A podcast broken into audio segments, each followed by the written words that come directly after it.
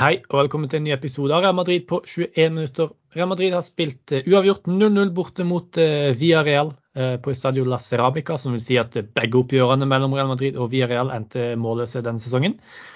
Real Madrid var jo uten både Karim Benzema og Falam Mendy, som er, jo er nøkkelspillere. Så alt i alt så tror jeg nok mange vil si seg sånn halvveis fornøyd med, med det. Um, men ut ifra de sjansene Real Madrid skapte i løpet av denne kampen, så er det nok også mange som er litt sånn skuffa over at ikke Real Madrid fikk med seg alle tre poengene i denne kampen. Med meg til å prate om matchen har jeg Martin. Hei. Hola.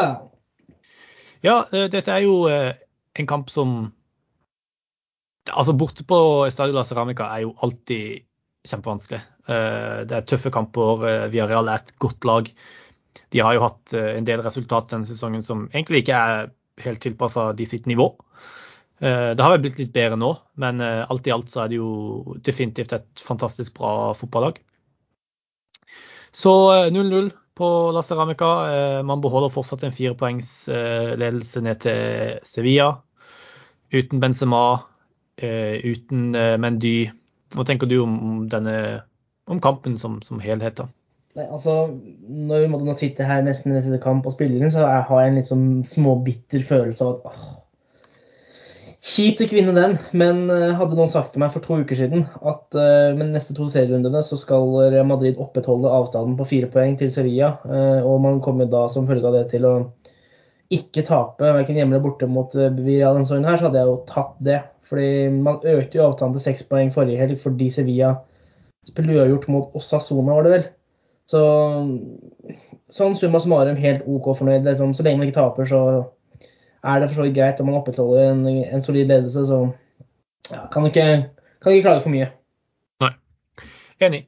Eh, og uh, eh, iallfall uh, eh, første omgang var jo ekstremt dårlig fra Real Madrid sin side. Sleit veldig med å spille seg ut. Og så i andre omgang så var det mye bedre. Real Madrid hadde god kontroll i andre omgang og skapte mye sjanser, og angrepsspillerne fungerte godt sammen og, og sånn der. Så det lover jo godt da med tanke på eh, kampen mot PSG som kommer til uka. At Real Madrid eh, går nok av banen her med en litt sånn god følelse at de, at de spilt, om at de spilte en god kamp, iallfall. Eh, selv om de ikke nødvendigvis fikk med seg alle tre poengene. Så skal vi starte med det åpenbare. Det største sjokket av de alle. Nemlig at Gareth Bale starta som spiss for Real Madrid. Og det var det nok mange som var veldig skeptiske til, og, og god grunn til det. Men eh, forrige sesong så skårte Bale mye mål for eh, Tottenham som spiss, spesielt på hodet, faktisk. Så jeg tenkte at ja, hvis, hvis Villarreal skal ligge litt dypt og Real Madrid kan slå litt innlegg, og sånn der, så er det ikke sikkert at Bale er så dårlig valg. Og I første omgang så er han jo usynlig, men hele Real Madrid-laget var dårlig i første omgang. Andre omgang Gareth Bale blant banens beste spillere i den andre omgangen, spør du meg.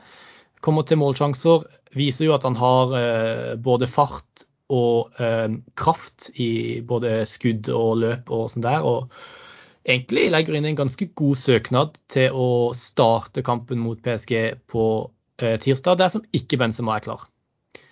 Hva tenker du om Bale sin, sin prestasjon i dag, og gir det deg litt sånn følelse av at OK, hvis ikke Benzema er klar, så har vi iallfall en spiss som vi kan starte med?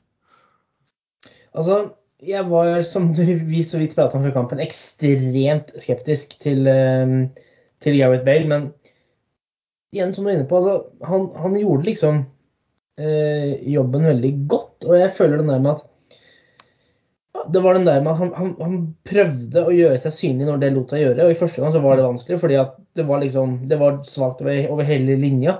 Men jeg tenkte spesielt i andre omgang òg, han gikk på løp, og han, liksom, han bydde opp til dans.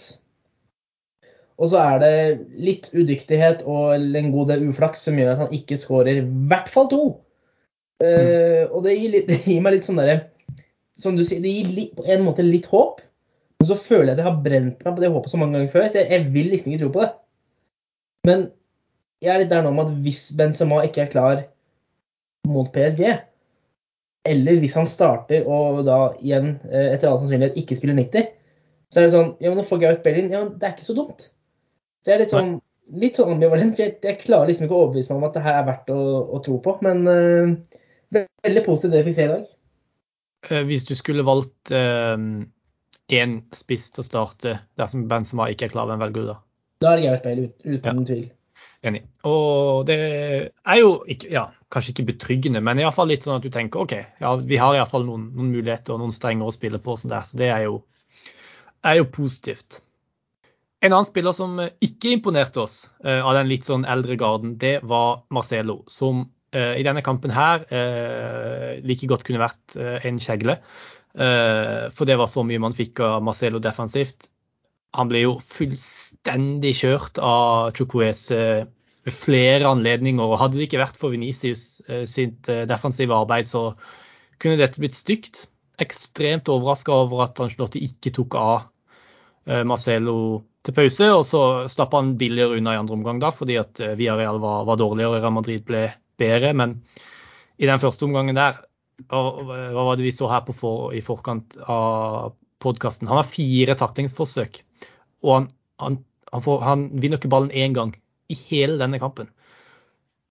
Marcelo er en spiller som faktisk har overraska meg litt de siste kampene. Jeg har tenkt at han var helt ferdig, men han har liksom vist at han har noe å by på. Men når, når man møter raske kanter som Chukwese, da må det jo være 100 bedre løsninger enn å starte Marcelo, eller hva?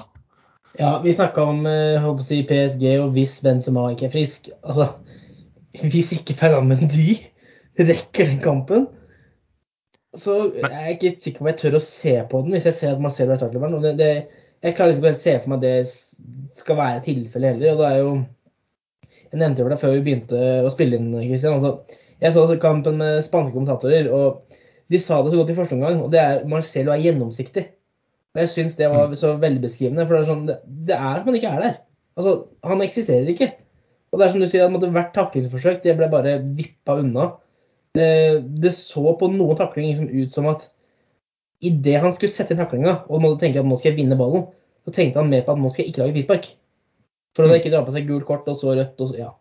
Så nei, eh, grufull opptreden av han. og som Jeg har vært litt sånn positiv til det vi har sett i det siste. og det er sånn i spesielt hjemmekamper mot eh, kall det lavt nivå, så eh, er jeg ikke nødvendigvis ekstremt imot eh, å kjøre meg selv fra start. fordi det er kamper man skal liksom pushe og pushe og pushe, og pushe, og et lag som ligger dypt. Men eh, mot lag som Villarreal, og spesielt han kant som Chukwese, så ja, det er nesten på grensen til tragikomisk. Ja. Eh, nå tyder jo absolutt alt på at men de blir klar. Heldigvis. Uh, nå så jeg nettopp Sergio Valentino var ute og, og skrev det også, at uh, Mendy vil antageligvis være klar. Han har ikke vært ute så lenge, så han vil jo fortsatt ha litt rytme i seg, mest sannsynlig. Mm. Um, og uh, altså, han, han, trente jo med laget de siste dagene. Uh, så jeg, jeg, var nesten litt overraska over at han til og med ikke var klar til denne kampen. Uh, så Mendy blir, med mindre han har noe tilbakefall, klar til den kampen. Så vi får nok ikke og uansett om han ikke er klar, så får vi nok ikke Marcelo uansett. For det, det, det kommer rett og slett ikke til å gå. Nei. Uh, når det er sagt, Real Madrid hadde jo uh, som, som, jeg sa, sleit veldig i første omgang. Og du kunne se frustrasjon hos uh, flere spillere. Carvahall hadde jo en, en, litt sånn stygg greie i første omgang som jeg egentlig ikke helt forstår. så jeg har ikke lyst til å prate om det, for jeg skjønte ikke helt hva han drev med verken intensjon eller eh, tanke bak det. Så. Men eh, en annen spiller som jeg syns du kunne se frustrasjonen på, var Venicius, som til stadighet blir takla og takla og takla. takla. Det er greit nok. Det er det som skjer med disse godspillerne. Eh, Neymar, et annet tilfelle, eksempel der, da, som Hazard og Messi og spillere som blir takla ekstremt mye. Men jeg syns også at du ser at um, mye av disse tingene motspillerne gjør. og Du så det veldig godt mot Atletic. når eh, Det var vel Dani Garcia som var liksom helt oppe i trynet på hans, sitt hver eneste gang. Men jeg syns du ser at nå begynner motspillerne å komme litt under huden på Venezia. Det var noe de ikke gjorde tidligere i sesongen. Da rista han det bare av seg, eh, stilte seg på beina igjen og, og slo en tunnel neste, på den spilleren i neste angrep. Men nå virker det som at han faktisk begynner å bli litt påvirka av det mye bedre i andre omgang. Uh, hele Real Madrid mye bedre i andre omgang, inkludert Venicius. Men hva syns du om dette? Syns du det er en litt sånn negativ trend vi har sett hos Venicius det siste? Uh, han har jo ikke skåret så mye mål heller de siste kampene. Vært litt sånn av og på med skade og tilbake fra landslagsopphold og, og sånn der. Men hva, hva syns du om den utgaven vi så av Venicius i første omgang i dag? Og i andre omgang så viser han jo de kvalitetene han har, da. Nei, Jeg er enig med deg i form at det er en litt sånn trend vi har sett de siste ukene. og Det er samtidig veldig forståelig. da, fordi eh, Når du til, eh, til, gangs presterer og du får en mestringsfølelse, så må du, du veit at eh, det blir litt sånn at De kan si hva de vil, jeg, jeg, gjør mitt, liksom. Men når du ikke får den, og du ikke setter den sjansen mot rolig i dag, og ting ikke helt går din vei, da, føler du, da blir det som følelsen at alt og alle er litt sånn imot den. Eh, og så må jeg jo si først og sist at jeg forstår Nitius sin frustrasjon veldig, veldig godt. fordi det er ganske mm. oppsiktsvekkende å se i hvilken ekstrem grad han blir. En ting jeg måtte pakke av og takle med ballen, men det er så mye småting uten ballen også. Eh, som jeg igjen forstår frustrasjon, men det er en måte, man skal ikke prøve å la det gå inn, innover seg. Da, men eh, vi får håpe at han rister av seg, og at det kommer nå en, sånn en kjempeprestasjon. Eh, om ikke så lang tid, så måtte det bli litt sånn, ikke vendepunkt, for det er jo ikke noe form Eller det er ikke sånn at det er noen katastrofal form, men en liten sånn ordentlig positiv opplevelse igjen. da. Ja, for at han har en liten formdupp, det syns jeg er helt uh, fair å si. Uh, selv om, som jeg sa i andre omgang, var han fantastisk. Nå, du ser hva som skjer når han får litt mer rom å løpe i. Uh, og det fikk han i andre omgang, og han satte jo opp uh, Iallfall én av de sjansene fra Gareth, til Gareth Bale var jo satt opp av et godt Venicius-løp.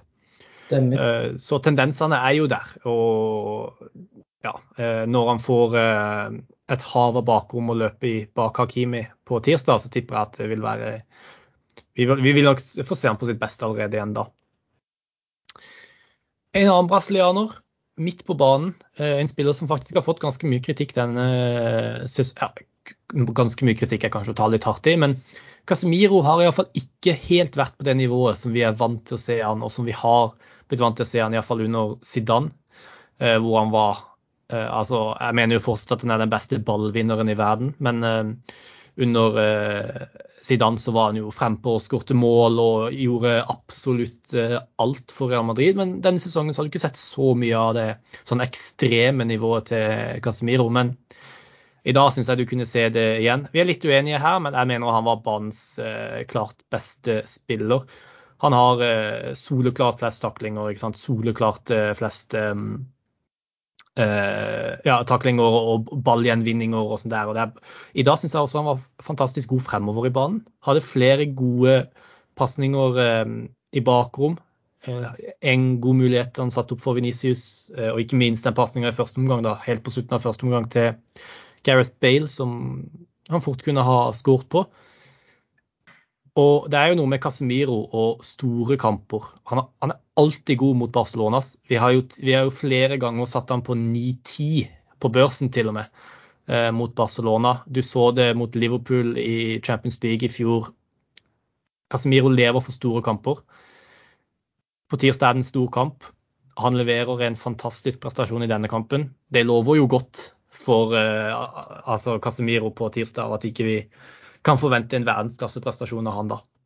Jo, det, det gjør det. Og så må jeg si at det var Casemiro som stilte i det der eh, postmatch-intervjuet. Eh, og det er litt sånn, Han representerer liksom madridismen på en veldig god måte. for Han, han blir sånn spurt ja, hvordan er ståa nå fysisk og psykisk for det som, det som kommer til uka. Og da har han sånn lurt smil og sier han at nå kommer det morsomste. Og det, det føler jeg som det representerer liksom så mye, og det sier så mye om den innstillingen. da. Uh, og det har jo litt å si med Casemiro. at han veldig ofte er på sitt aller, aller beste i de der største kampene. Uh, så får vi håpe at det gjelder på tirsdag. Men jeg er helt enig med at han var ekstremt god i dag. Og uh, noe jeg òg bet meg veldig merke, var at Real Madrid hadde et veldig ønske om å spille seg ut fra sånne trange situasjoner. Og spesielt i første omgang så slet man veldig med det, fordi at Real pressa høyt og pressa bra. det var flere ganger da hvor Casemiro imponerte meg i form av de der korte pasningene eh, som hadde løst opp en sånn vond situasjon. da. Og det er ofte mm. der han før har kalt det surra litt til, men der imponerte han meg litt. Så nei, som sagt, vi får håpe at det er eh, et tegn på hva som kommer når eh, PSG venter på tirsdag. Mm. Og en av Casemiro sine beste egenskaper er jo det Uh, posisjonering uh, defensivt, spesielt uh, når Real Madrid står høyt. da, og prøver å bryte ned en, en dyp blokk, så er Casemiro ekstremt god til å plukke opp de ballene som da blir klarert ut. Som gjør at Real Madrid kan opprettholde det presset eh, som de har. Og det kan jo bli også ekstremt viktig og, og, og på den måten eh, også forhindre kontringer imot. Eh, og det kan jo bli ekstremt viktig mot et PSG-lag som jeg tror kommer til å prøve å spille på en måte Real Madrid sitt spill. Eh, og de kommer til å legge seg bak og kontre, for det er PSG sine beste egenskaper. Um, og de har spillere som passer perfekt til en sånn type kontringsfotball. Uh, og da kan jo Casemiro bli ekstremt viktig til å snappe opp disse kontringene før det blir farlig. En annen ting jeg gjerne vil uh, prate litt om med tanke på denne uh, PSG-kampen, det er jo hva Real Madrid skal gjøre med på en måte andre posisjoner på banen. Fordi Valverde i dag leverte eh, en prestasjon midt på treet, som alle andre, langt bedre i andre omgang enn i første omgang. Men jeg har sett en del som har prata litt om, om, kanskje det å spille med altså fire midtbanespillere, en slags uh, At han er på en måte høyre kant, høyre midtbane, ikke sant. Og så får du en sånn Venicius Benzema-duo på topp, hvis Benzema er klar. Uh, eventuelt Bale og Venicius. Syns du at Real Madrid burde gå for den klassiske 4-3-3 med Marco Ascencio som eh, høyrekant, eller etter det vi har sett av Valverde sånn de siste kampene, burde man vurdere å gå for noe, noe, litt annerledes, når man vet hva som kommer fra PSG. ikke sant? Angrepsvillige backer eh, og kontringer imot, eh, hvor Valverde jo er rask og god til å, til å bidra defensivt på kontringer imot. Hva syns du om det? jeg tenker jo egentlig at uh, man må være litt taktisk med den PSG-kampen her. Og jeg var blant annet veldig misfornøyd med tankegangen til Ancelotti i, um, i den Copa del Rey-kampen han røyk ut i. Men igjen, altså her med PSG, det er en åttendelsfinale over to kamper. Jeg mener da at man må liksom ha litt sånn fokus på at det skal avgjøres på Santiago Bernabeu. Og ja, man skal reise til Paris med det målet om å vinne. Men det er holdt på å si, nesten viktigere å ikke uh, tape og den slags. Nå har man ikke bortemålsregelen heller. Så sånn Den skåringen har ikke vært så ekstremt mye som den var før. Og hvis man kjører en 4-4-2-variant med Federal Verde som høyre kant, da, så er det en vesentlig mer sånn defensivt solid, eh, solid eh, formasjon. Og det er en formasjon som legger med til rette for kontringer, noe jeg tror er det de kommer til å satse litt på på tirsdag. Så jeg skulle jeg valgt, så hadde jeg nok valgt eh, den 4-4-2 med Verdia. Og det var jo en formasjon uh, Zidane brukte i veldig mange sånne store kamper med stort hell. Så mm. jeg ville nok uh, falt på det. Og så er jo Samtidig så syns jeg jo da at du mister litt um, den X-faktoren med langskuddene til Assensio. Det gjør. og det er faktisk Jeg syns faktisk det er en litt undervurdert del av altså Assensio sitt bidrag til, til laget. da, fordi at det, det, krever, det, krever, noe annet av motstanderlaget når de vet at de har en spiller som uh, kan skyte og kan skåre fra omtrent alle distanser. For Det gjør at man må, man må enda tettere oppi uh, når Assensio skjærer innover i banen, enten det er 16-7 eller 30 meter. Uh, som jo lager litt rom for andre spillere, da. Og det syns jeg er en litt undervurdert del av spillet til Assensio. Men eh, ja, jeg la jo litt opp til det. Jeg, jeg er egentlig enig med deg. Ja. ja, det er jo ikke det, men så tror jeg altså, For det første, det nevner Masensio er helt riktig. Og jeg, jeg, jeg er litt av den oppfatning at han har jo fortjent å starte. Han har ikke spilt seg ut av laget her. Eh, og så var Angelotti så ekstremt klokkeklar på en pressekonferanse tidligere i sesongen på at Real Madrid skal spille 4-3-3. Eh, og det mm. har han ikke viket fra siden den gang. Så jeg sliter med å tro at det skjer, men det er iallfall det jeg ville gjort. Ja. Sånn, vi går jo uh, inn i denne PSG-kampen med mange spørsmålstegn. Og bl.a. om PSG. Hva slags tropp har de? Hva slags spillerstall har de tilgjengelig? Men også Real Madrid. Hva slags spillerstall har vi tilgjengelig til denne kampen nå? Um, ja, som forresten, Før jeg går videre, så anbefaler jeg alle å høre podkasten som jeg gjorde med Dimitri fra PSG Norge, som er en sånn um, uh, ja, Kall det en sånn preview-podkast. Uh, jeg skal også poste den igjen på sosiale medier når det nærmer seg kamp uh, litt, men den anbefaler jeg alle å høre på. Da svarer vi på en del sånn spørsmål knytta til den kampen. Men eh, altså PSG, vi er usikre på hvor, eh, hva slags fysisk form Neymar er i, selv om han er tilbake fra eh, skade. Paredes nettopp tilbake fra skade. Di Maria det samme. Real Madrid kan være med Benzema, kan være uten Benzema. Uh, hadde du spurt meg, altså når trekninga skjedde, så tenkte jo vi at OK, jeg tror faktisk Real Madrid er favoritter her. Nå er det kanskje litt annerledes. Hvordan ser du på det styrkeforholdet nå? Og som du sier, kan det være en idé for Real Madrid dersom Benzema ikke er verken i form eller uh, kapabel til å starte i det hele tatt? Uh, at man burde prøve å liksom bare holde oppgjøret i live. Og som du sier, prøve å gå for det og avgjøre det på Santiago Bernabeu. Eller er Real Madrid gode nok til å liksom gå for det allerede i Paris? Altså, Det ligger sånn i klubb-DNA-et at man skal uh, gå for seieren uansett. og jeg er, litt, jeg er litt, den typen selv. og Når det er sagt, så er det liksom, det er noe magisk med disse returkampene på Santiago Bernabeu. Og uten sammenheng for øvrig så har jeg brukt dagen før kamp på å se Campo de Estrellas, som er en Real serie på Amazon Prime, hvor de intervjuer Det er en episode om hver spiller, da, og det er om bl.a. Emilio Botragueño og noen andre legender.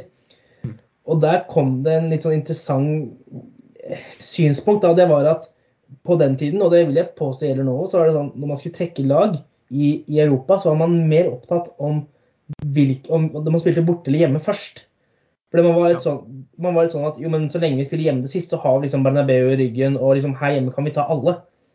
Uh, så jeg er litt av den oppfatning om at man må liksom man må, man må, gå for det, men man må ta en risikovurdering i Paris.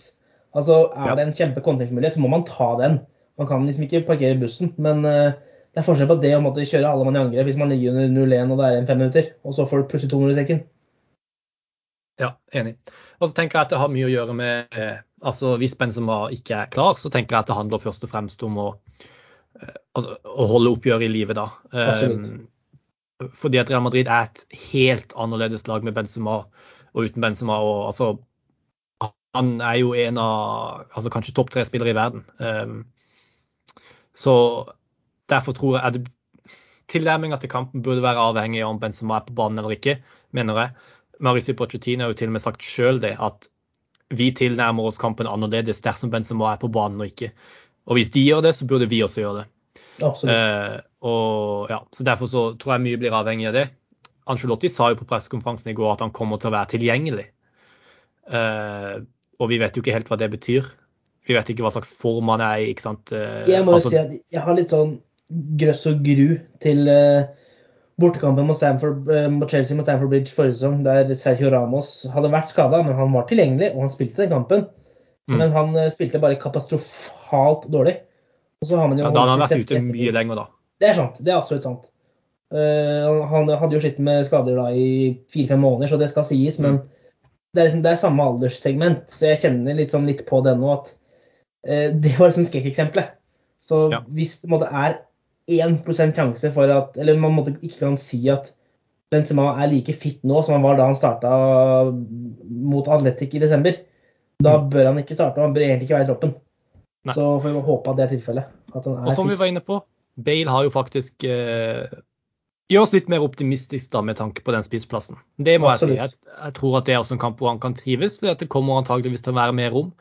Uh, han er jo kjapp uh, og kan løpe i bakrom. Så ja, Vi får se hvordan det går. Det blir veldig spennende. Jeg tror vi er godt over tida her, men da, nå som det nærmer seg PSG-kamp, så får bare lytterne være fornøyd med noen ekstra minutter med podkast. Takk for at du var med i dag, Martin. Vi prates jo eh, til uka etter forhåpentligvis en sterk Real Madrid-prestasjon i Champions League. Det gjør vi. Det blir veldig spennende. Yes. Eh, takk til alle dere som hørte på, eh, og til neste gang. À la Madrid.